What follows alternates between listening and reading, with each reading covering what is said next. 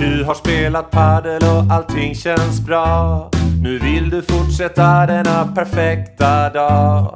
I bilen på väg hem så är det självklart så att du går ut på Spotify och sätter på Paddelfeber, paddelfeber, paddelfeber, paddelfeber podcast. Oh. Paddelfeber, paddelfeber, paddelfeber, paddelfeber, paddelfeber podcast. Paddelfeber. Barnen är i säng, i huset råder frid. Äntligen så får du lite egen tid. Du sätter dig med lurarna i soffan och lyssnar på det enda värt att lyssna på. Paddelfeber, paddelfeber, paddelfeber, paddelfeber podcast. Ooh, paddelfeber podcast. Då har vi för allra första gången fått höra signaturmelodin och jag bara älskar den där låten. Den får mig på så, på så fruktansvärt gott humör, Kristoffer. Vad bra Johan, det är kul Ja. att höra. Jag gjorde den, jag hade bara en sak i huvudet när jag gjorde den. Det var Johan ska bli glad. Det det. Ja men eh, då lyckades du och jag tror att du kommer göra många andra glada. Eh, vad som också gör mig glad, det är att vi äntligen är igång. Ja. Eh, vi har ju planerat det här ett tag i varje fall. Ja, Och eh, det pirrar lite i magen för man gör bara första avsnittet en gång. så är det. Det är nu och jag har tänkt att den här podden kommer ju leva sitt eget liv. Mm. Vi får se helt enkelt var den tar vägen, om den kommer ändras längs resans gång, eh, om det kommer tillkomma saker och falla ifrån saker. Och du Vi får och jag se. Kommer ju, ja, vi kommer ju lära känna varandra bättre också Exakt, under resans gång. Precis. Men jag känner ju dig hyfsat. Men Ja. lyssnarna, för lyssnarnas skull så bara eh, Mm. säger jag, presentera dig. Okej, eh, ja, Kristoffer eh, heter jag som ni har förstått här nu. Jag bor, sitter just nu här nere i centrala Malmö där jag har bott eh, hela mitt liv. Jag gjorde två år, två bortkastade år i Stockholm när jag försökte få, få fart på karriären som artist. Eh, Men, men med svansen mellan benen eh, återvände jag hem till, trygg, till tryggheten nere i, i Malmö. Eh, Jag har alltid varit en sportfåne älskar sport och för sju år sedan någonting så gick jag in i en paddelhall för första gången. Och sen har jag aldrig lämnat den där paddelhallen riktigt. Men det var väl då Key Nilsson var kung av... Key Nilsson var, han var kung av Skåne, han var kung av, i, i, han var kung av världen. Alltså, Ja, precis, för mig. Key Nilsson, om vi ska gå in på sådana le legendarer direkt, så gjorde ju han, han var den första som jag såg gjorde en, eh, ja, när han springer efter bakvägen och bara lägger in den i, i nätet på motsatt sida. Vad kallar man det slaget? Har det slaget något namn egentligen? Jag vet inte. Jag, jag, jag, jag får ingen inre bild i huvudet. Jag fattar inte ens vad du menar. Nej, du fattar inte men, vad jag men menar. Jag känner, ba, jag känner bara att Key Nilsson var ju streetpaddel. Ja, precis. Förklara en gång till. Eh, Ja, jo, men jag menar, du, du får en smash mot dig som går i din bakväg. Du, du, du springer fram och precis vid nätet så bara dämpar du ner den i, eh, i motstånd. Ja, Lägger ner den i nätet. lägger ner den i nätet helt enkelt. Just det, jag tror fan att det där har ett namn. Det där ska vi ta reda på till nästa avsnitt. Mm. Det får vi Jag göra. har för mig att jag har sett någon sån här spansk term flyga omkring eh, som betyder typ bedövning eller något sånt. Just det. Eh, när vi ändå är inne på det så kommer vi ju ha en, vi kommer ha en liten spanska lektion. Det kommer vara ett stående inslag i den, här, eh, i den här podden. Att vi kommer ha en liten spanska lektion i varje avsnitt där du och jag ska lära oss ett nytt uttryck Johan. För att ingen av Just oss, eh, vi har inte kommit så långt i vår spanska. eh, Någon av Nej, oss. verkligen inte. verkligen inte. Eh, min, bror, min brorsa, har, hans fru är ju från Valencia. Och, och hon frågade mig i påsk här nu om jag har lärt mig nu spanska tack vare padden. Och så började jag som tänka, vad är det man eh, har lärt sig egentligen? Och det är ju, ja men det är ju tranquilo, det är atras, eh, på, på så här otrolig basic nivå, vilket är så jäkla korkat att man inte har på något sätt tagit chansen. Alla gånger man har varit i Spanien och eh, man lyssnar på spanjorerna eh, vecka efter vecka, att man inte, ja men vad fasen lär dig språket. Men alltså jag, jag, jag tänker på det ibland, vi är så många, alltså hur få det är i Sverige, det har inte slagit mig innan förrän, förrän nu med padden hur hur få det är som kan spanska. Alltså detta är ändå ett alltså, världsspråk. Det, ja. Ja. det väl, vad, vad, kan det vara? Nu, nu bara det måste ju vara ett av världens tre största språk. Ja, nu är kineserna ju så många och sådär. Men, men det är ett, ett otroligt stort språk och så få ja. som kan det. För att just i padden hade man haft en ja, man hade haft så mycket, så mycket att vinna på det och kunna lite mer hade, man, hade man fattat det när man gick i skolan så hade man ju tänkt lite annorlunda. Men Läste du spanska i skolan då? Nej, nej, nej. Jag började läsa tyska lite så här planlöst och hoppade sen av tyska för att lära mig något med hemkunskap. Eh, men om man tänker att med spanska, ja men då plockar du in i stort sett hela Sydamerika också. Och ja. Eh, det, det, är ju egentligen självklart att man ska kunna det språket. Ja. Men vad jag egentligen tänkte fråga, det känns ju som att du är en jäkla mångsysslare. Alltså att uh, ja. din inkomst, det är inte bara musik. För jag Nej, du, det är lite allt möjligt. Och grejer. Det är det quiz och det är, jag skriver lite krönikor här nere i, i lite tidningar nere i Skåne här. Och eh, jag är lite konferencier. Och, och sen skriver jag då lite teatermusik och sånt där när jag är kompositör. Så det är många, eller mycket olika grejer, vilket är lite mitt, vad säger man, det är lite min... Eh, det är ett ok för mig lite grann det här. Jag älskar ja. att det är så, men samtidigt så blir man ju man blir lite bra på mycket, man blir bra på ganska mycket men man blir inte jättebra på någonting. Eh, om du förstår vad jag menar. Eh, istället, istället för att lägga alla sina, satsa allt på ett så har man liksom spridit ut, eh, spridit ut det lite. Mm. Men nu ska jag inte sitta och gnälla över det. Jag älskar det livet också. Att man kan göra lite, att man kan göra lite allt möjligt. Men, men om jag hade varit smart hade jag kanske bara fokuserat på att nu är jag, jag är bara sportjournalist. Eller jag är bara ja. kompositör. Eller då hade man, då hade man kanske nått mer ekonomisk framgång. För, för det är något jag inte har, det kan jag vara tydlig med. Eh, ja. Eh, Men, och sen är, sen är det två saker vi måste nämna också. Ett, det är ju att du är tillsammans med Sverige-ettan Anna Åkerberg.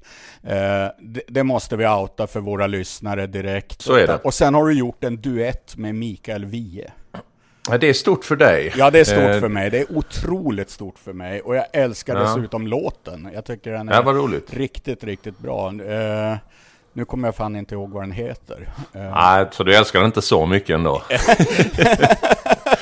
Nej, nej, men den, den kan man lyssna på. Den heter Vi. Det är lite det. svår. Det är lite, ja, den har inte den här tydliga, på det sättet, eh, titeln. Det är lite dåligt faktiskt. En riktigt, riktigt bra låt ska ha en titel som alla kommer ihåg också. Men ja. Eh, det är lite... Nej, men ja. Jag nej, kommer ihåg den... textrader om att vi som ja. bytte våra efternamn och lite sådana grejer. Så, ja. nej, en fin låt. Ja, tack så mycket Johan. Men, mm. eh, du har ju också haft paddelpodden Paddelsnack. Eh, Precis, där... så jag har ju haft lite, lite, paddel, eh, lite paddelpodd innan ja. ja. Eh, den var jag, jag startade den lite strax innan ni startade eh, Paddelmundo. Jag tror jag var en månad före er. Jo. Eller sånt där. Jag kommer um, ihåg att du kontaktade mig på Paddelfeber och sa att är det något att skriva om att jag drar igång en podd? Och ja.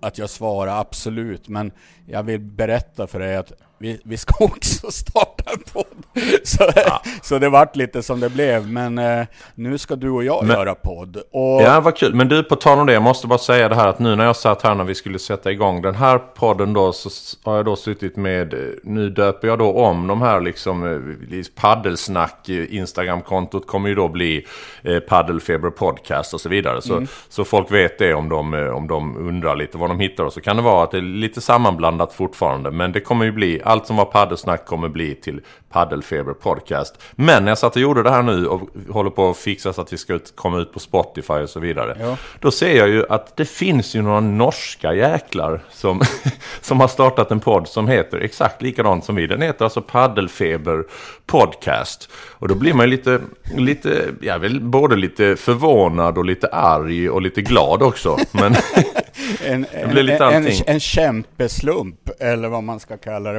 Men jag vet ju, ja. jag har ju sett det där tidigare att Eh, pa paddelfeber ploppade först upp i Danmark och sen även i Norge. Och har de då också gjort en podd så okej. Okay. Jag tycker det, ja. jag, jag har inte riktigt vetat hur jag ska förhålla mig till det där. Att de, att de plankar sådär. Jag tänker det borde finnas så sjukt många andra namn man kan använda. Men jag har också tänkt att ja, men då, då är namnet bra om eh, de vill sno det så rakt av.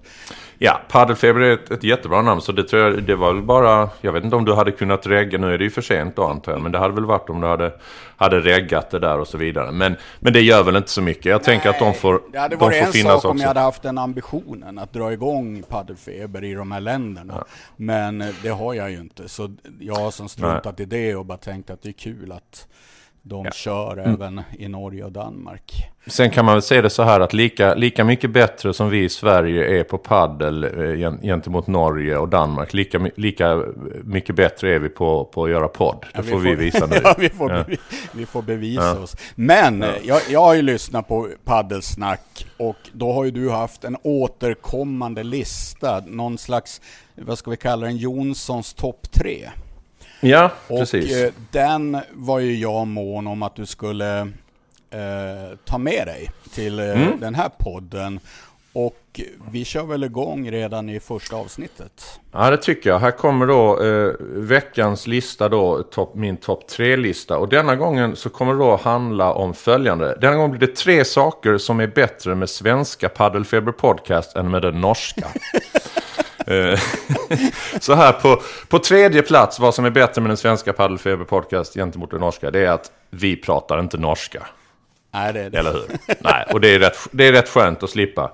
Eh, tänk att sitta en timme och lyssna på, norsk, på någon som pratar norska. Fy fan. Fy fan. Det, det slipper man här. Andra plats. Eh, de har en mycket sämre introlåt än vad vi har. Ja, det kan jag skriva under på. Ja, deras introlåt låter nämligen så här. Paddelfeber, paddelfeber, kämpegött, paddelfeber, podcast. Och våran introlåt låter ju så här. Paddelfeber, paddelfeber, paddelfeber, paddelfeber podcast. Oh, paddelfeber podcast. På första plats varför detta är bättre är att vi på Svenska Paddelfeber Podcast, vi har denna topp tre-listan. Och det har inte de. Nej. ja. så, så där har vi veckans eh, topp tre-lista. Och det kommer, kommer komma mycket sånt här om man lyssnar. Ja, du eh, chockar ju mig här nu. För du hade ju utlovat i en artikel på Paddelfeber att din lista skulle handla om de fulaste paddelkläderna. Eh, ja, och jag, jag vet. hade ju sett fram emot det här i, i, i, tre dagar och så kommer du med den här listan. Men, eh... du, har, du, får, du, får, du får eh, vänta en vecka till på den då, och då får lyssnarna göra. Den blir, den blir kul kan jag säga. Jag kan ta med, säga en grej från den listan som, som som inte riktigt kvalade in, men som jag undrar vad du tycker om lite mm. grann. Jag undrar vad lyssnarna tycker om det också. Ni får gärna skriva sen till oss vad ni tycker om... Jag vet inte om ni har sett den här klockan som man har på sig och håller koll på ställningen. Har du sett någon som har den?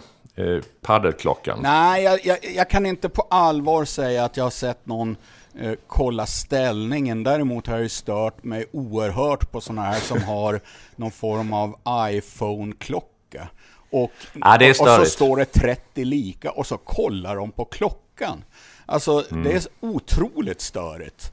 Mm. Eh, det, det, är som att signalera att, eh, alltså börjar man titta på en klocka åka, då vill man ju vara någon annanstans. Men det var ju precis detta jag trodde hände, för jag, jag spelade nämligen, nu hänger jag ut en som har en sån här klocka som jag pratade om, nämligen eh, toppspelaren i Sverige på damsidan, Billy Gajic. Ja. Eh, jag, jag, spelade med henne för något tag sedan här och då trodde jag, vad fan, varför kollar hon på klockan? Tycker hon det är skittråkigt att spela eller vad, vad, vad sysslar hon med?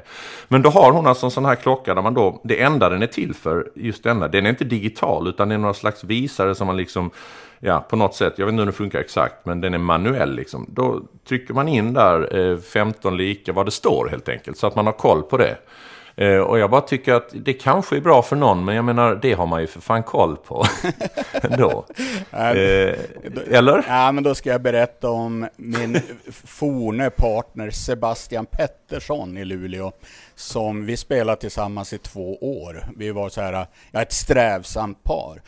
Eh, och han visste aldrig vad det stod. Eh, han var totalt förvirrad och skulle alltid serva i fel ruta och så vidare. Och jag kom ju på att jag kunde ju lura honom. Eh, okay. Att om det var så extremt jämnt och det stod så här 5-6 eller 5-5 eh, och man kanske var nervös och han frågade vad står det? Då sa jag tre lika. Och, och då trodde han mm. att det stod tre lika och bara öste ja, på. Och helt plötsligt hade vi vunnit setet eller matchen och han fattade ingenting. men, eh, men honom kanske du borde köpa en sån här klocka till då? Nej, det skulle här... inte eh, heller fungera. Han skulle trycka in fel och det skulle bli, det skulle bli kaos. Och, och så skulle det här låter hänvisa... som en legend, alltså jag vill träffa honom. Ja, så skulle han börja hänvisa till sin klocka och... Eh, jag har också ja. varit med om en gång i någon sån här seriematch i Luleå, där vi var fyra på banan och alla fyra hävdade varsitt ställning alltså. Eh, det var också Det är roligt. sjukt. Det är sjukt. Eh, och någon av oss hade väl rätt, men jag minns inte vem det var faktiskt. Hur kan det bli? Alltså det är, att fyra personer, finns det ens fyra olika ställningar det kan stå i? Jo då, jajamän.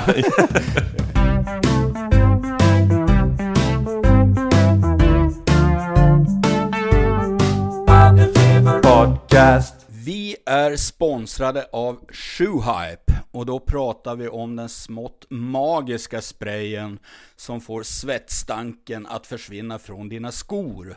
Och det här vet jag personligen fungerar eftersom jag själv har testat den. Eh, och det var så lätt att till och med jag klarade av det. Det var bara att lägga skorna på en tidning, ta ut innersulan och sedan spraya på ganska ordentligt. Både på innersulan och inne i skorna. Och så börjar det fräsa och bubbla, det blir som en kemisk process. Och sen när allt var torrt så doftade skorna som om de ja, stod i affärshyllan igen. Eh, Shoehype är svensktillverkad och 100% biologiskt nedbrytbar. Och den första maj lanserar Shoehype eh, sina produkter på den tyska marknaden och i våra grannländer i Norden. Och du som lyssnare, om du också har lite problem med stinkande skor så kommer här ett riktigt fint erbjudande. Gå in på getshoehype.com och använd koden paddelfeber15 i ett enda ord. Paddelfeber15 så har ni 15% rabatt på Shoehype Twin Pack. Erbjudandet gäller fram till den 31 maj. Så passa på, gå in på getshoehype.com och vi tackar Shoehype för veckans spons. Ja, vi är även sponsrade av det svenska märket Legend. Legend har snabbt blivit riktigt populärt och eh, de kommer nu med helt nya kollektioner med grymma racketar och eh, alla modellerna finns tillgängliga från och med den 25 april på legendpaddle.se. Eh, här vill vi speciellt lyfta fram den populära diamantformade modellen Revenant. Eh, den har uppdaterats med ytterligare hästkrafter. Så in och kolla in Revenant på legendpaddle.se. Eh, vi kommer eh, återkomma till Legend många gånger, det här fantastiska märket under året här. Legend drivs ju av Per Dalhägg och även han har slängt med en fin rabattkod. Så ni använder kort och gott koden paddelfeber och så får ni då 15% rabatt. Så in på legendpaddle.se och eh, ange paddelfeber så har ni rabatten. Och eh, vi tackar Per och Legend för veckans spons. Vi är också sponsrade av U-Paddle och då pratar vi om en av världens skönaste och bästa grepplindor. Det är inte bara min favoritlinda, jag vet att stora delar av Sverige-eliten också har valt att spela med U-Paddle. U-Paddle drivs av Peter Andersson i Halmstad och han har varit igång nu i tre och ett halvt år. Och under den tiden har Lindan behållit greppet om sin position på marknaden, vilket säger det mesta om kvaliteten. Eh, U-Paddle erbjuder mängder av olika färger men också lite olika varianter av lindor. Jag själv gillar till exempel U-Paddle Air som är en perforerad linda för oss som svettas riktigt mycket. Sedan har vi Apachita som är faktiskt riktigt intressant. Den har en stötupptagande funktion och du får liksom en upphöjd kant i greppet när du lindar den som ger extra bra fäste. Och självklart har vi även här en rabattkod. Använd PF25 med start idag så får ni hela 25% på hela sortimentet. Gå in på upaddle.se och hitta dina favoritlindor i alla möjliga färger. Och så vill jag avsluta med att säga att om du är intresserad av att bli återförsäljare av Upaddles lindor, kontakta då Peter på info at upaddle.se. Och om ni inte hade koll på det tidigare, det är även U-Paddle som har distributionen av Gorilla Grip, den här magiska klibbiga handduken. Och med de orden så tackar vi U-Paddle för veckans spons. Johan, jag tänkte vi skulle prata lite om det som hände här eh, i helgen. Inte bara i helgen, utan det som har hänt här den senaste veckan. Eh, det var ju ingen, ingen VPT den här helgen, men däremot var det ju APT mm. eh, nere i flärdiga, glamorösa Monaco. Ja. Um, och um, ja, ja, det blir ju svensk framgångar. Uh, bland det största, lite, ja det, det här känns som lite, känns ganska stort faktiskt. Att vi fick en finalplats på damsidan och en semifinalplats på herrsidan. Um, vad var dina intryck av APT? Eh, det vart ju stort till slut och uh, jag måste säga att jag personligen har haft otroligt svårt att engagera mig i APT tidigare. Eh, men det hände någonting med den här tävlingen och det var när jag först såg hur många svenskar som hade anmält sig. Jag tror det var 17 stycken varav 15 kom till start i varje fall. Uh, och det, bara det var ju som historiskt. Och så att det skulle spelas i Monaco där med kasinot och Fabrice Pastors hemland och allt det där. Gjorde att jag tände till lite redan från början. Och sen hur mm. det blev så tror jag att det här var APTs stora genombrott i Sverige. Och det beror mm. dels på att det var många svenskar, men framför allt att det sändes öppet på Youtube, Kristoffer. Mm. Mm. Som det var förr när vi satt alla och tittade på VPT. Och mm. vi diskuterade på Instagram och Facebook, för alla tittade. Det där är ju någonting som har försvunnit när VPT nu sänds på Viaplay och SPT sänds på paddeltelevision och alla måste betala för att titta. Det påverkar ja. ju både tittarsiffrorna men också den här gemenskapen. Och Absolut. Jag satt ju och hängde i chattarna, du vet Youtubes eh, öppna chatt. Ja. Och, och, det var ju otroligt roligt. Eh, det, det, var som att eh, ja, Studio Paddle har ju haft lite den där grejen när de har kört sina mm. grejer. Och, det, och, nu var det lite samma grej. Och jag bara kände så starkt att fasen så här skulle det alltid vara. Eh, mm. Det är det här som främjar paddens utveckling. Eh, Absolut. Och man, man, hade bara kunnat hoppas att Paddeltelevision hade fått in sina pengar på på andra sätt och att alla kunde se gratis. Jag håller med dig och dessutom så var det ju, alltså även de matcherna som inte streamades av själv, på YouTube av själva APT, det kunde man ju se, jag satt och såg någon dammatch, kommer inte ihåg vilken det var, som sändes via den här franska, någon fransk... Mm, Paddle Magazine. Fransk, Exakt, mm. Paddle Magazine. Då var det, eh, körde de med franska kommentatorer och så vidare. Och de blev ju, de blev imponerade av, de märkte efter ett tag att det är bara svenskar som kollar nu. Ja. på, på vår, eh, folk loggade in och så förstod de det att ja, det är okej, det är tre gånger så mycket. För det var något franskt par som spelade också då. Ja. Eh, man märkte, och då förstod man också storhet, hur stort det är. Vi vet ju redan hur stort det är i Sverige, men där förstod man intresset också. Att, eh, de liksom fick säga okej, okay, vi är ledsna att vi inte kan prata engelska här till er, för vi märker ju att ni, nu är ni ju 80% svenskar Nej. som tittar. Liksom. Nej, men, eh, eh, ja, men jag håller med dig. Det var härligt att kunna inte behöva logga in och betala någonting utan kunna följa detta. Mm. Och sen tycker jag eh. också APT som den är nu är en jäkla rolig tour. Och det slog mig att den också är förmodligen helt perfekt för de flesta av våra svenska spelare. Eh, ja, det måste ju vara som en dröm alltså. Det måste ju vara att kunna, kunna, ha, kunna liksom ha en tour som, är precis, som är, ligger ganska precis mitt emellan SPT och VPT. Ja. Eh, och som dessutom betalar, jag vet ju då att de betalar hotell eh, om man, så länge man är med i turneringen, om man, är, om man har kommit in i tävlingen och så vidare. Bara en sån sak, man kan åka dit, få hotellet betalt, fokusera på att tävla och så är det precis det där lagom. Alltså, nivån är perfekt för våra svenska spelare, tror jag också, precis som du säger. Och bra jäkla prispengar. Jag hörde Vindal, han eh, åkte ju därifrån med nästan 50 000 och Barre och Ayla 20 000 var det ungefär. Eh, ja. Så hade de vunnit rätt mycket på kasinot också. Ja. och jag såg någon bild när Åsa Eriksson och Cornelia Lister, det såg ut som de var ute på någon lyxbåt där. Och, nej men de har nog haft det bra där nere. Men ja. eh, touren har ju börjat få karaktär.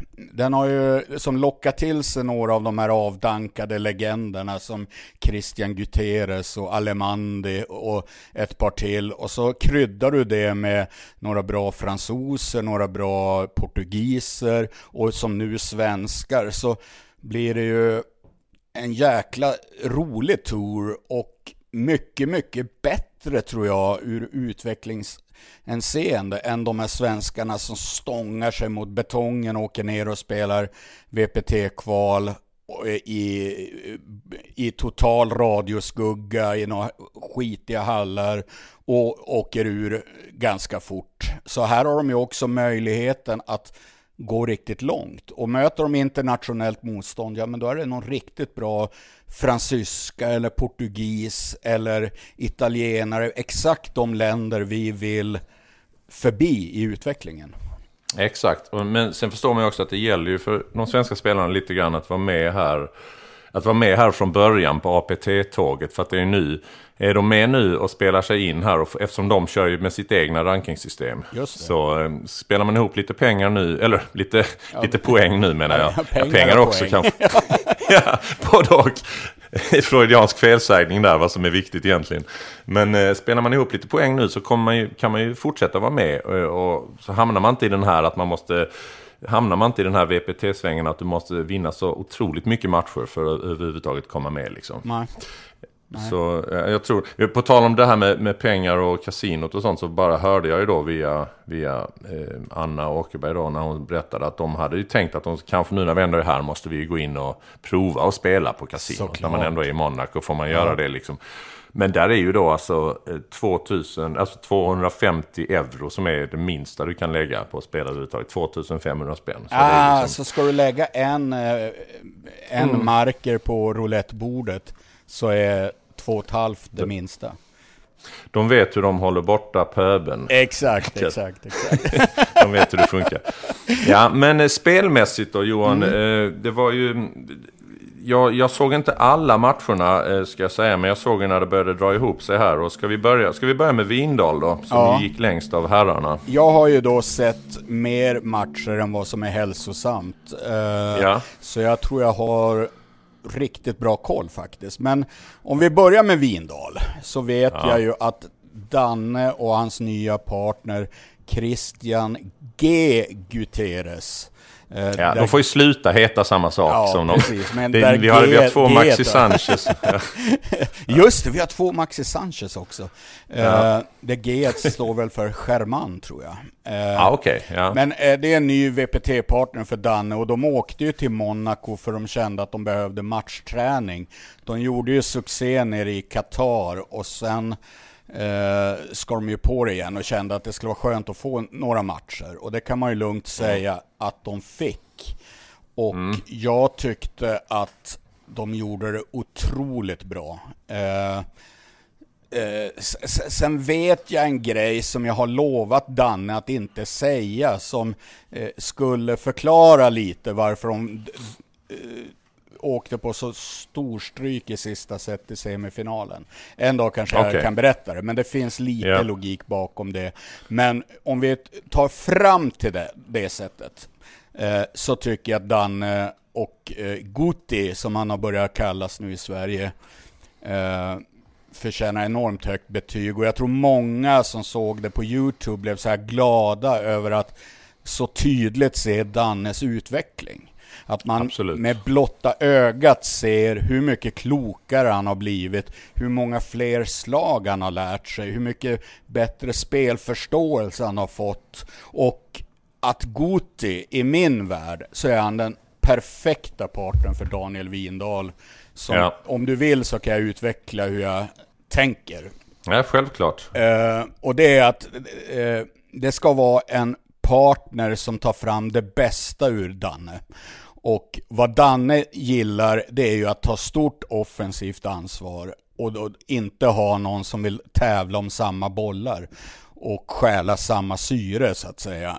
Och sen i försvaret så är Danne som bäst och han gillar också att kliva fram.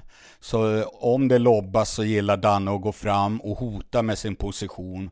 Och det går ju bara om man spelar med någon som fiskar riktigt, riktigt bra där bak i.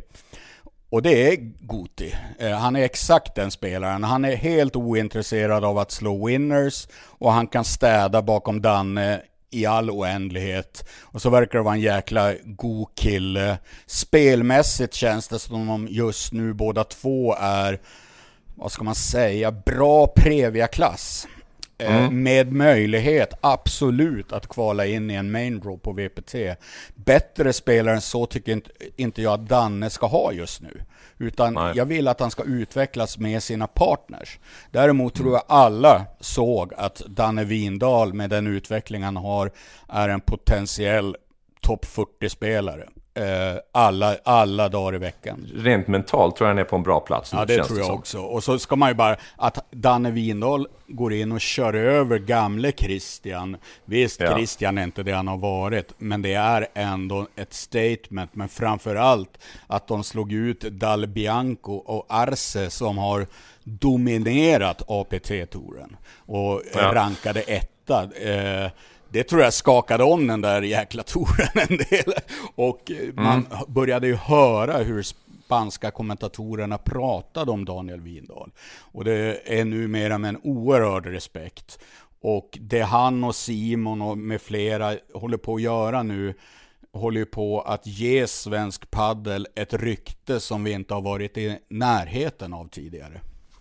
Jag tycker man hör det nästan i, jag tänkte på det när jag ser honom spela nu mot de här spanska ja, större spelarna rankingmässigt, så hör man bara i hur de säger, eh, vin, när de säger hans namn på banan. Ja. Eh, om, om de säger liksom Vindal någonting, att Vindal är bak eller Vindal är fram eller någonting. Jag, jag tyckte mig, förstår du vad jag menar? Att jag hör att nu finns det en respekt, liksom, Ja, man ja. kan namnet, det är inte bara en... Eh, ja, Och sen eh, när han gör sina eh, grejer så går de ju igång. Då är det ju incredible. Och, och, och, och offensivt, Dannes spetskvaliteter, de är ju i absolut yppersta världsnivå. Eh, eh när han slår sina volleys och sätter tryck. Det är få i världen som har bättre där. Sen har han ju fortfarande Men sen har vi också sett hur mycket han tränar. Sen har vi också sett eh, hur mycket, man, man har hört det, jag har återkommit till det så många gånger när jag intervjuade honom för min, min förra podd två gånger om, och jag blev fascinerad över hur målmedveten han var med sin träning, hur professionell han var, hur, hur många timmar han la ner och han var närmast besatt av det här att komma ikapp, Ja. att komma ikapp spanjorerna i hur mycket han har varit på banan. Eh, så, så, det, så det är ju ganska logiskt på ett sätt, men det är mycket annat som ska stämma också såklart. Ja, sen blir man ju bara glad att se att det ger resultat. Eh, Ja, sen är det ett par till här jag måste få lyfta.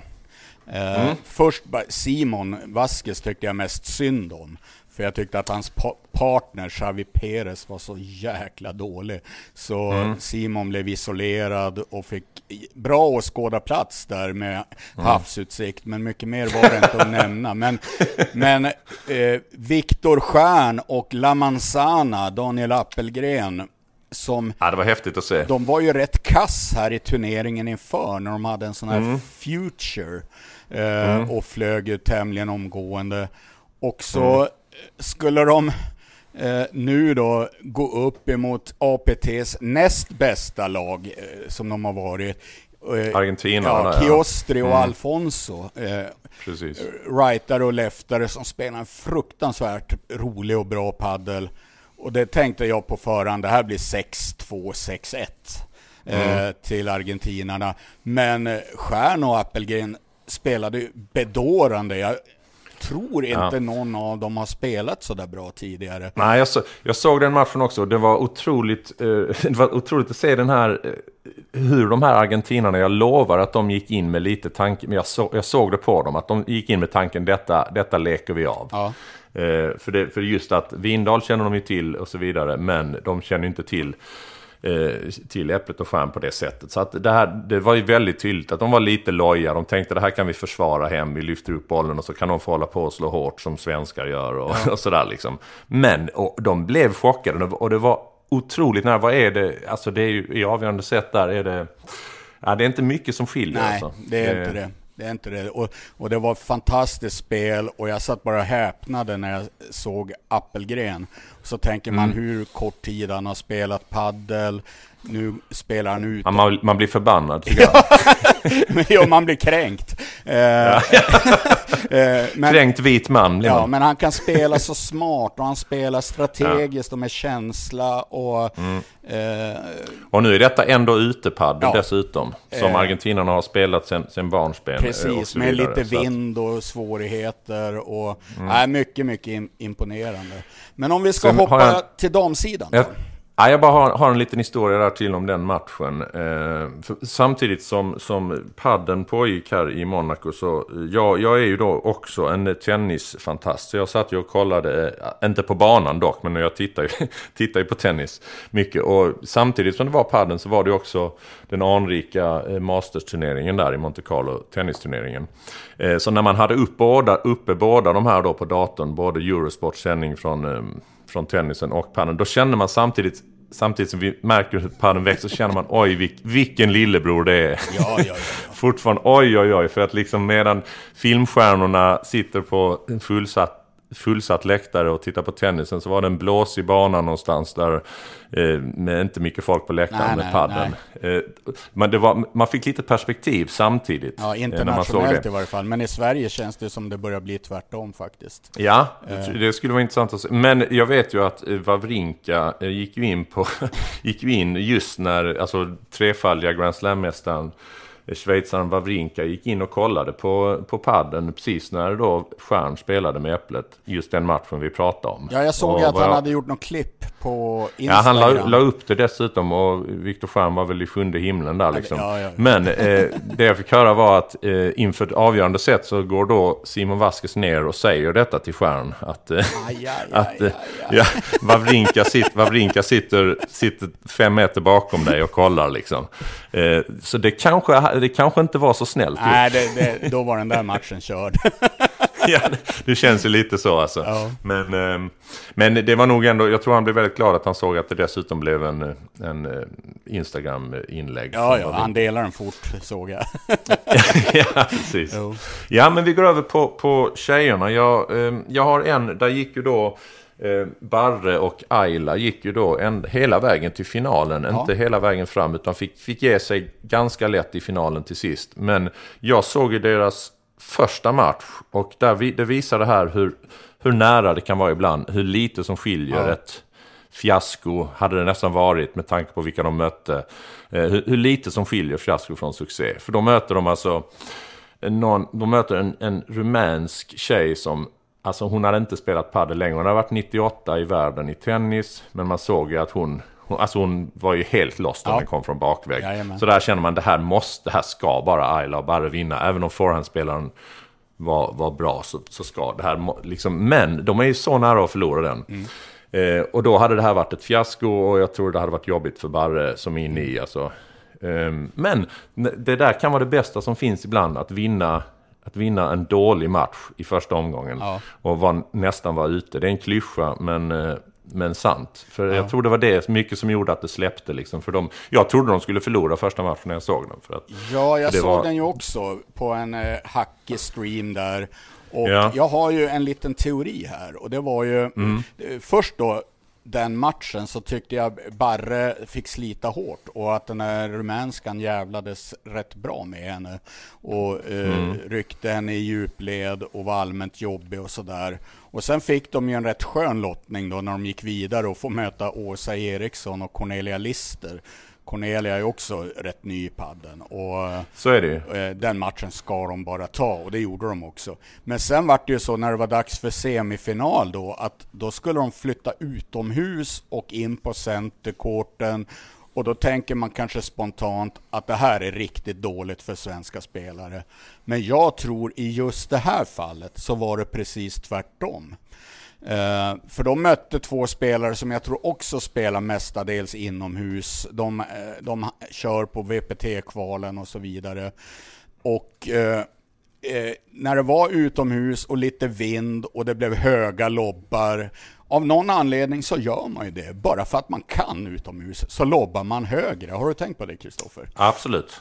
Och det gör ju att tempot går ner. Mm. Och när det dessutom blev fyra ganska slagrädda tjejer så blev tempot väldigt skönt. Och det mm. gjorde att svenskorna hann ju med allt.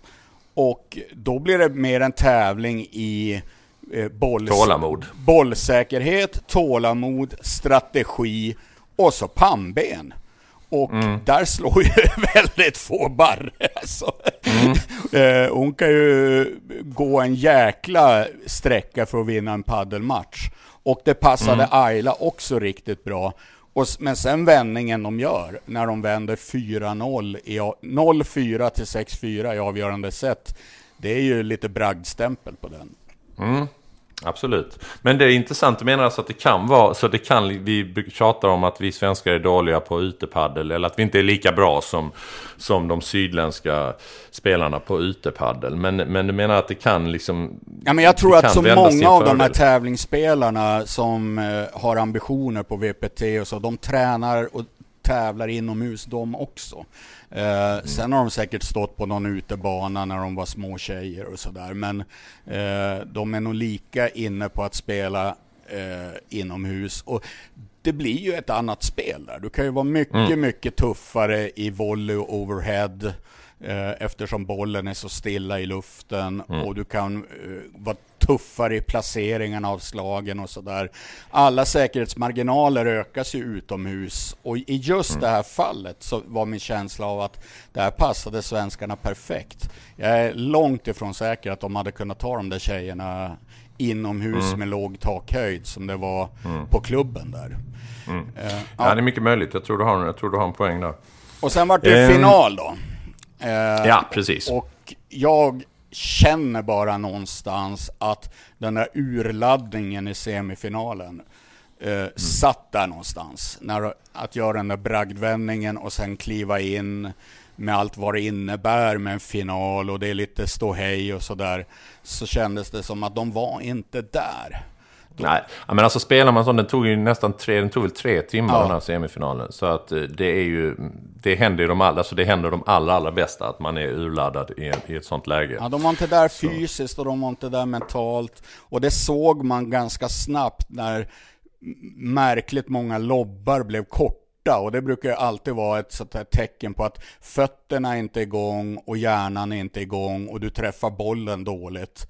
Och då hade de två spelare som båda kunde döda alla korta lobbar. Och då var det ganska otrevligt. Ja, vi får liksom vänta lite till på den här, på den här svenska eh, turneringssegern i, i, i, ett internationellt, i en internationell tävling. Det, jag, liksom, jag gillar det här på något sätt, det är det jag menar. Jag gillar det läget som är nu. Alla, det är liksom väntans tider lite grann. Man väntar på den här första som tar steget och kvalar in på en VPT. Ja. Den första som vinner en APT-tävling. Det är liksom, och vi vet ju att det kommer hända. Ja, jajamän. Det, det, och vi får att... alla vara med på resan, det är roligt. Uh, ja, precis. Och jag tror det är det som kanske nästan också ställer till det när det väl är nästan där. Att nu är det, nu är det, det blir ju historia om man gör det här nu. Sen när det väl har hänt, när någon väl har gjort det första gången, då kan det mycket väl hända att det liksom släpper. Och då kommer det hända mycket mer. Ja, men det är ju lite som att hoppa två meter i höjdhopp. Att in, ja. innan du någonsin... Har du gjort det, Johan? jag, tror, jag tror mitt personbästa är 1,45 från, från högstadiet någon gång. ja. Ja, det var väl de höjderna man... Fan, det var jävligt kul den tiden. Vi, vi borde ses en dag och hoppa höjdhopp igen Johan. Nej. Ner och... Okej, nej det var dum idé. Det är dum idé. stavhopp som gäller nu, Kristoffer. Vi... Jag kan, jag kan verkligen se dig i den ställningen på en stav när man vrider upp hela kroppen, fötterna pekar rakt upp och så jobbar man bara med magmusklerna för att komma över där. Jag kan, jag kan se dig Johan.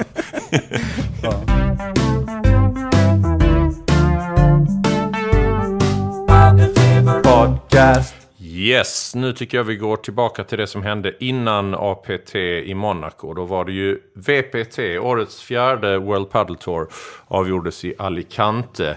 Eh, vad kan man egentligen säga om denna? Det var ju de, de gamla vanliga paren som gjorde upp Ja. i finalen. The usual suspects som, Ja. som gick långt. Och det börjar väl mer och mer utkristallisera sig två fantomlag på både dam och herrsidan som kommer mötas i många, många finaler.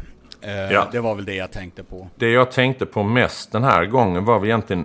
Jag har haft en liten spaning om just de herrspelarna på, på World Padel Tour. Eh, De, ja, de spanska, de allra bästa, de spanska argentinarna. Jag tycker det är väldigt många som... Ofta när man ser dem tycker jag det ser ut som att de viker ner sig när de ligger under lite väl snabbt. Ibland är det som att ja, de, har, de har förlorat första set och sen så tappar de, tappar de ett break i andra set och sen är det som de känner, idag vinner vi inte. Nej. Och det här nu, nu pratar om, det här kan jag har jag sett hos Paquito, jag har sett det hos Sanjo, jag har sett det hos, eh, ja, hos egentligen nästan alla. Möjligtvis inte Lima har jag inte sett det hos och självklart har jag inte sett det hos Bela. Och det här som, det, nu händer det ju till exempel här, Ja. LeBron Galan möter Tapia och Sanjo. Då har vi alltså världsettorna mot världstreorna. Och den matchen tar alltså knappt 40 minuter och det är 6-1, 6-1. Just det. Eh, och jag tycker, det, jag tycker det säger lite om... Alltså, jag ty- tycker det säger lite om padden vad den är på ett sätt. För det där ska inte riktigt få kunna hända. Du ska inte, det ska inte kunna bli 6-1. Visst, det kan hända en gång. Men jag tycker, jag tycker sådana matcher... Jag tycker de viker ner sig lite för ofta. Och jag tror att det är just det som gjorde att, att Bela kunde under så många år vara outstanding och vinna 211 VPT-titlar, eller vad det är. Och jag tror det, är en sann siffra för övrigt, jag hittar inte på, utan han vann ju så sanslöst många. Ja, och han vann ju en i år också, så att han är fortfarande igång.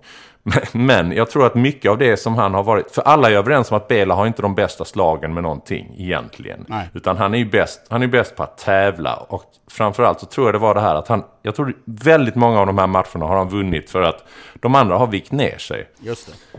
Och jag tänker att, jag, jag har en teori varför lite grann. Jag tänker sådana här som, sådana här spelare som Paquito och, och LeBron och så här. Anledningen att de har blivit så fantastiskt bra på just paddel är att de, de, älskar, de älskar livet, de älskar att ha kul.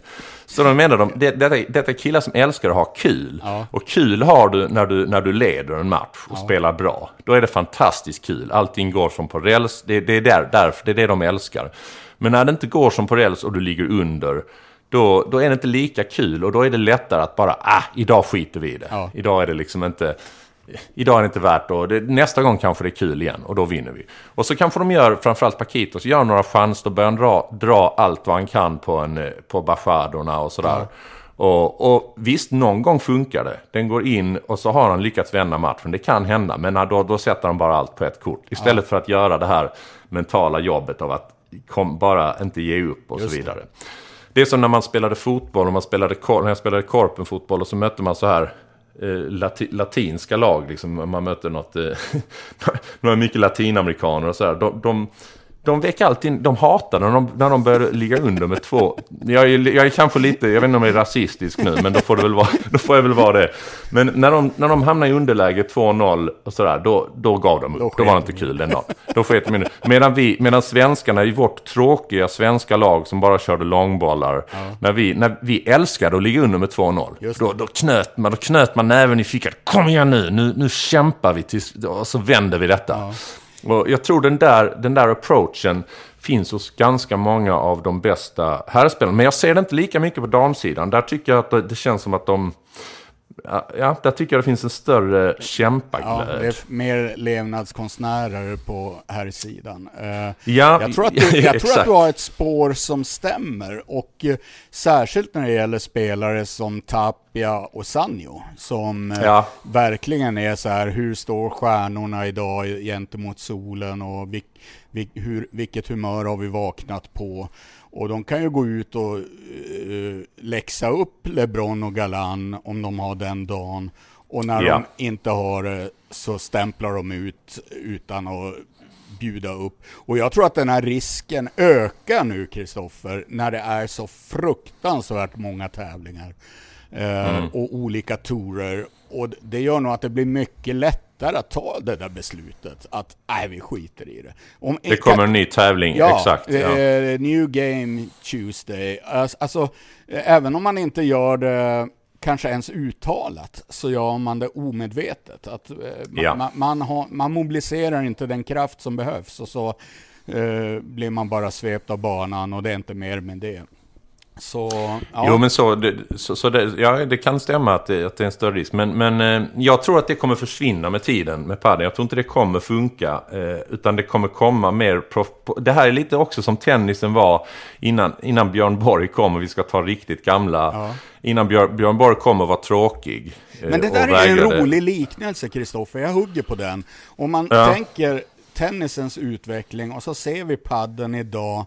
Var är padden då? Om vi backar på, på stapeln, tennisstapeln. Är vi någonstans vid eh, Gerulaitis och Vilas och det gänget? Eller? Ja, det tror jag. Jag tror vi är där. Och sen Ja, kommer tror tråkiga. Borg och förstör allting. precis. Och Är det, eh, är det här tror jag- Vindal det då?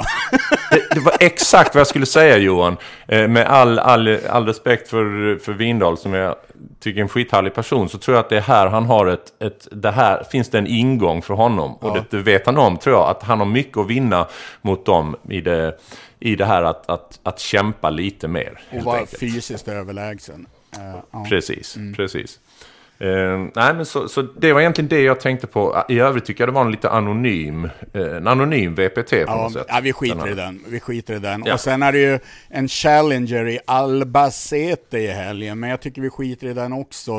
Det, jag vet att Vindal ska spela och Kalle ska tydligen spela också, inte Simon. Mm. Och det, eh, ja, eh, går, går, de, går Danne långt, då tänder vi till. Men vad jag ville prata om mera, det är ju den här stora bomben som kom. Att eh, Stupa helt plötsligt lämnade Alex Ruiz. Och då Ja. pratar vi alltså om ett lag som nyss har spelat semifinal och har Mm. sen de parat ihop bara levererat. Alltså Ja. det finns inget lag som har överraskat i världseliten lika mycket positivt som dem. Och sen, därför kom det här som en blixt från en totalt blå himmel.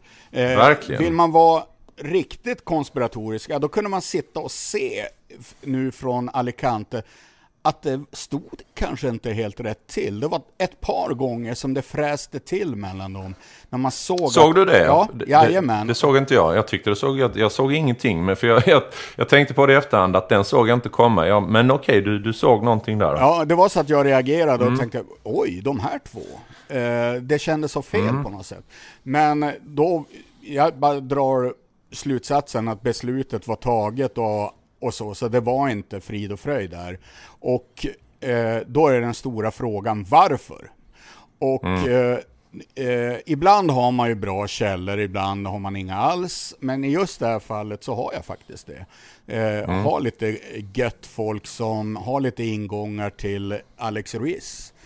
Spännande, vad Och- säger de? Ja, och om jag har förstått det hela rätt så är det här helt och hållet eh, Stupas beslut. Han Mm. Lämnade Ruiz av en enda anledning och det är pengar. Att Lima och gänget bakom Lima som nog såg den här karriären gå i en riktigt, riktigt hopplös rik- riktning bredvid Limas karriär Ja, alltså. bredvid Maxi Ja. Mm. Sanchez. Det var som att i bästa fall så skulle de ta sig till kvarten och sen få storstryk. Att Mm. Lima har lassat upp till Stupa och det handlar tydligen om ganska mycket pengar. Eh, och eh, ryktet sa ju redan tidigare att Alex Ruiz pappa lassade upp till Stupa. Så man får ju mer bilden av att Stupa är lite eh, vad heter det? Att man kan, här har du bara stålar så kan du locka till Ja. dig Stupa. Eh, Ja. Och eh, det var så bra erbjudande att Stupa inte kunde tacka nej. Vi pratade ganska För det, han, det. Stupa skrev på, på sociala medier, det var ju ganska hårt. Ja. Alltså. Det, var liksom, det bara, dels det funkar inte på banan, jag har inte kul, jag är inte mig själv. Det var liksom alla, alla dissar man, man kan få fick ju stackars Alex Ruiz där. Ja, ibland är de Eh. konstiga de där, alltså de uttrycker sig på sätt som gör att man eh, wobblar till. Eh, Men jag tror att det här stämmer, att det här handlar om pengar. Eh, Och eh, det här har Jag har svårt att se att, ja, ja fortsätt. Ja, det här får ju då konsekvenser. Eh, Och det första som hände då, det var ju att Alex Ruiz gav sig på jakt efter ny partner och där fick jag höra ganska snabbt att han siktade in sig på Momo Gonzales. Men sen Maxi Sanchez då, som blev eh, ratad av eh, eh, av Lima, han satt inte på latsidan utan högg direkt på sin partner i fjol, för de spelade ju oftast bra, han och Capra. Och Precis. det här har gjort att eh, Xavi Ruiz eh, helt plötsligt var dumpad igen. jag, börjar li- jag börjar lida med Xavi Ruiz, Ja. som är en sån otroligt bra spelare. Kanske lite tråkig, både på och utanför banan, men det verkar som att alla andra hittar någon annan de hellre vill spela med. Och Nu får väl han börja leta nytt igen då. Men vi har tre nya lag i nuläget då. Det är Stupa Lima, Capra, Maxi Sanchez och Alex Ruiz Momo. Och fler förändringar kommer komma. Ja, så blir det ju. Det blir ju, det blir ju hela havet stormar när någon lämnar liksom. Eh, när någon flyttar fram. Jag har svårt att se att, eh, att Stupa och Lima kommer göra så mycket bättre resultat än vad Stupa och Alex Ruiz eh, gjorde. Ja, jag har, ju- jag har svängt fram och tillbaks där. Eh, Den ena delen av mig vill ju döma ut Lima, för jag tycker inte han har varit bra egentligen sedan coronan kom. Ja. Det är som att han, eh, ja, han tappar geisten och var inte alls det här djuret som man, man var van vid. Men sen har jag också tänkt så här, så bra som Stupa har varit, han har ju varit snudd på omänskligt bra. Så jag har tänkt att borde inte Lima kunna göra det jobb som Ruiz har gjort? Och då Ja, landar jag i jo. att jo men det ska han kunna. Eh, och då ska de där två kunna nå semifinaler och ibland final. Och det kanske Ja. är fine enough för Lima. Att då, Mm. då, han förlänger sin karriär lite. Så kan det nog vara. Men, men om jag, när jag har tänkt på det, om jag ställer upp då, eh, om jag bara ska liksom ranka och ställer upp Lima bredvid eh, Alex Ruiz, då tycker jag då är, de, är, de är vänsterhänta, de... Alltså grejen är så här, jag tycker egentligen att Ruiz är bättre på det mesta. Det som möjligtvis Lima är bättre på är att han har mer rutin, han har vunnit mer och han kanske är bättre på att tävla. Eh, det är möjligt. På, men annars så tycker jag väl ändå att, att tycker jag nog att Ruiz är lite bättre nu, men vi får se. Ja, men det är ju den bild man har av honom bredvid Stupa. Eh, Ja. Innan de parade ihop så såg man ju aldrig Alex Ruiz som en spelare som var på samma nivå som Pablo Lima. Så, Nej, verkligen inte. Så det är lite upp till bevis. Sista chansen för Pablo Lima. Ska vi eh, Ja. slå fast det? Det kanske till och med blir rubriken på det här avsnittet. Ja, det kanske. Ja. Men jag, sen, annars tycker jag det är härligt att, att eh, jag gillar ju att säga, jag gillar ju namnet Lucho Capra. Ja. Jag tycker det är härligt att säga. Och jag, där, och jag gillar också namnet Maximiliano Sanchez. Oh, ja. Så därför tycker jag, där de två namnen tillsammans, jag gillar det. Maximiliano Sanchez och Lucho Capra. Det finns något gött. Det, det, det, det klingar skönt, tycker jag. Och jag fattade aldrig varför de separerade, för jag tyckte de passade grymt bra tillsammans. Ja, vi får se. Du, på tal, eh, på tal om spanska. Eh, så, så ska vi ha en liten spanska lektion du och jag, som jag utlovade i början här. Ja, Ehm, Så vi kör en liten jingle och sen kör vi lite spanska lektioner. Är du med på det? yes.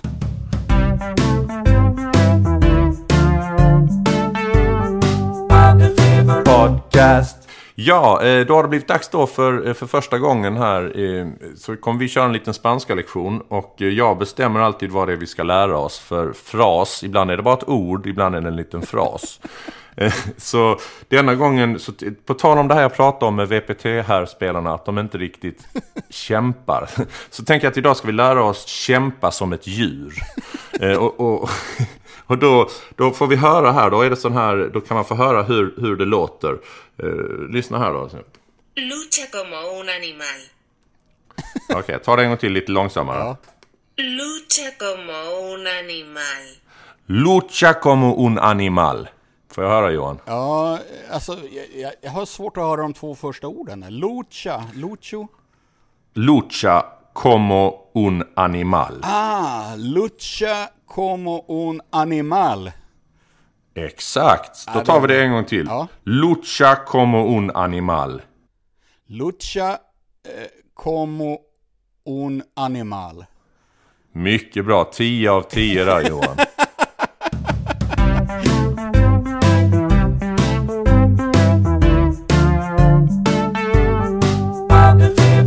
Har vi något mer att tillägga så här första, första programmet? Vi har ju det Kristoffer. Uh, mm. jag, jag, skulle vilja prata lite om uh, min röriga situation.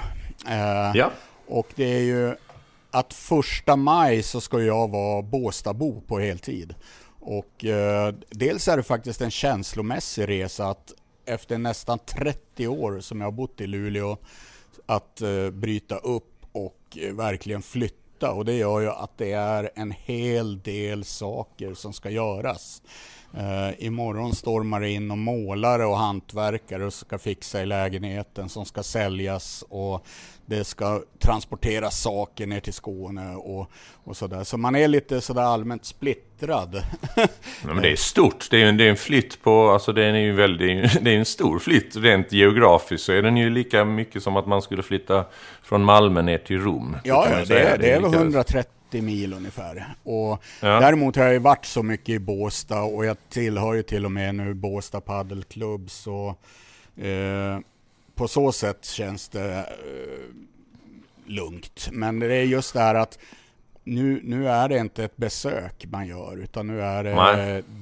Definitivt. Jag vet inte vad det heter på spanska. Definitivo.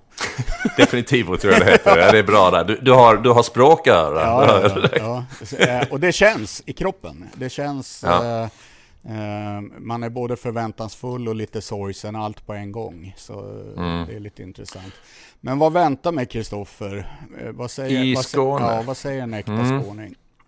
En, eh, det, ibland så väntar det ett lite buttert mottagande från skåningarna. Men du får inte ta det för allvarligt. om du, alltså, Men i och för sig, jag tycker ju ni norrlänningar kan ju också vara lite buttra. Oh ja. Oh ja. Eh, så att det kanske du bara känner dig hemma i egentligen.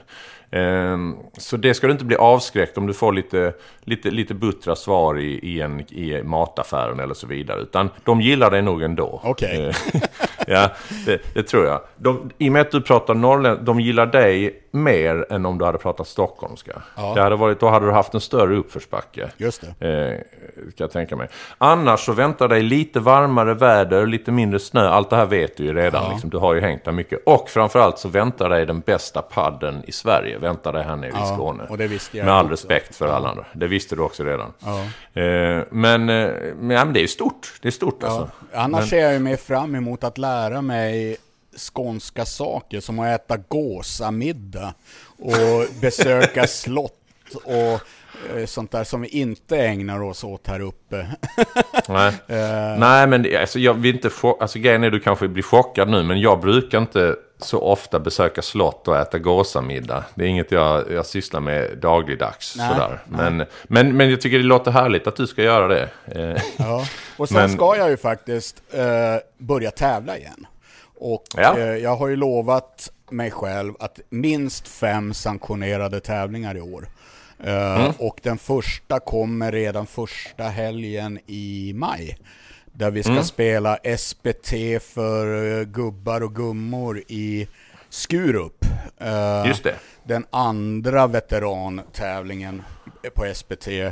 Och uh, då ska jag spela med Morre, en störtskön stockholmare som, mm. som hörde av sig. Sen har vi parallellt anmält oss till den här äh, Betsson-historien som Studio Paddle håller i, som ska gå i Ängelholm. Så får vi bara ihop Men jag får det. fråga om den, är den sanktionerad? Jag har ingen aning. Jag har faktiskt nej, ingen nej. aning. Det, det, är egentligen för mig rätt ointressant också. Ja, eh, ja. Det är mest att får vi ihop det så kommer vi spela båda. Och ja. får vi inte ihop det då får vi dra oss ur någon. Eh, men annars, då tar vi min lilla cab som redan är i Skåne, Kristoffer. Och, och så, ja. så bränner vi däremellan, vet du. Det... Fan vad härligt. kan, man, kan man få en tur i den cabben någon gång också? Jo, men, inte, men inte med mig och Morre, för det finns bara två platser. Så... Ja, ja, nej det tänkte jag inte. Jag tänkte mer eh, att du och jag kör en ja, sån tur ja, ja, ja, ja. Den, ja, fan, det ser jag fram emot. Den, den ska ja. vi glida i och, och, och så ska vi spela in podd. Ja. ja, där har du framtid. Men eh, den, eh, den turneringen där då, just det, då kanske man ska komma och kolla där ja, när du spelar i Skruv. Kolla på gubbarna och, gubbarna och gummorna där ja. Ja, eh, ja visst. Han, han, var så rolig Morre, för han, han sa det är så härligt med den här sporten. Då hade han just varit och fått stryk av två 23-åringar och känt sig fysiskt underlägsen och, och sådär. Mm. Och så ska man sen då spela i gubb, gubbklassen mm. och då är det andra premisser som gäller och alla har ont någonstans. och vi, ja. vi slår inte lika hårt och vi hoppar inte lika högt. Men är bra på andra grejer och det, det, mm. det är kul. Jag gillar veteranpadel. Jag, jag, jag, jag var och hejade på två kompisar som spelade en, en, en C-klassturnering i helgen, också i Skurup. Jag var där och tittade och, och hejade. Och grejen är, det spelas ju, det spelas ju bra paddel eh, numera i C-klass också. Ja. Folk har lärt sig spelet på ett ja, helt ja. annat sätt än vad det var förr. Men det som slog mig var bara att det här var liksom en jätte, det är liksom 64 lag, det är så sjukt många som är med liksom, och vill tävla nu. Eh, men det är bra padel, men det som man ser så tydligt är att här är alla de som de är bra på padel, men de har inte spelat tennis och varit bra i tennis eller spelat tennis. Så att därför så är, man ser det så tydligt på slagen och allting, att här finns inte den grunden. Så tyvärr så kommer de ha svårt att bli riktigt, riktigt bra. Ja. De kan, så, så, så där orättvist är det ju fortfarande att du har den här stora fördelen. Men det var ja. liksom tydligt att här är, här är pöben som är duktiga, men tyvärr, sorry, det blir, det blir kanske inte så mycket mer. Nej, precis, precis. Uh, men det, det underbara är ju att uh, vi har kommit dit hän. Uh, att, ja. att vi har enormt stora C-klasser, vi skulle kunna ha D-klasser också. Och att det börjar bli verkligen den här folkrörelsen där ute som åker runt och träffas på tävlingar och, och sådär. Jag tycker det är otroligt roligt. Underbart. Ja, men då får, men då, så att nästa, snart så kommer vi kunna spela in den här, för nu spelar vi in då på varsitt håll här, med ja. hela, hela, Sverige ligger emellan oss här nu när vi pratar, men snart så kommer vi kunna spela in då live in person. Liksom, ja visst, och det är ju tänkt att vi ska göra också, så det är, mm. om bara några avsnitt så kan det vara så att vi sitter kanske mm i Helsingborg och ta med oss någon av toppspelarna som gäst. Och det, att vi båda bor så nära varandra öppnar ju jätteroliga möjligheter. Jag kan ju... hur, ställer, hur ställer du dig till om, om, vi spelar in och jag, jag dricker en cerveza under tiden? Är, är det liksom, har, vi, har, vi noll, har vi nolltolerans på sånt i podden? Det, det absolut inte, absolut inte. Ah, men, skriva... men det kan vara ett motkrav då att du gör eh, signaturmelodin live. Ja, det kan det vara. Mm. Det, det, det, det, köper jag. Om jag får ta en cerveza så gör jag den live. ja, ja. Nej men vad bra Kristoffer, vi avslutar här tycker jag. Eh. Det tycker jag. Då säger, vi, då säger vi tack till alla som har lyssnat. Och, eh, vi, vi försöker komma ut en gång i veckan, så in och, in och lyssna igen nästa gång. Ja, och eh, lite info bara avslutningsvis. att eh, och det kommer vi lägga ut på Instagram och Facebook också. Det är ju just att Paddelsnacks Instakonto övergår och blir Paddelfeber Podcasts uh, Instakonto. Och uh, ja, i övrigt, ni, ni, kommer märka, vi kommer basunera ut det som är värt att veta helt enkelt. Men ja. grymt kul att ni lyssnar och grymt kul Kristoffer att vi är igång. Ja, tack för idag. Tack för idag. Barnen är i säng, i huset råder frid. Äntligen så får du lite egen tid. Du sätter dig med lurarna i soffan och lyssnar på det enda värt att lyssna på. Paddelfeber, paddelfeber, paddelfeber, paddelfeber podcast. Uh, paddelfeber podcast.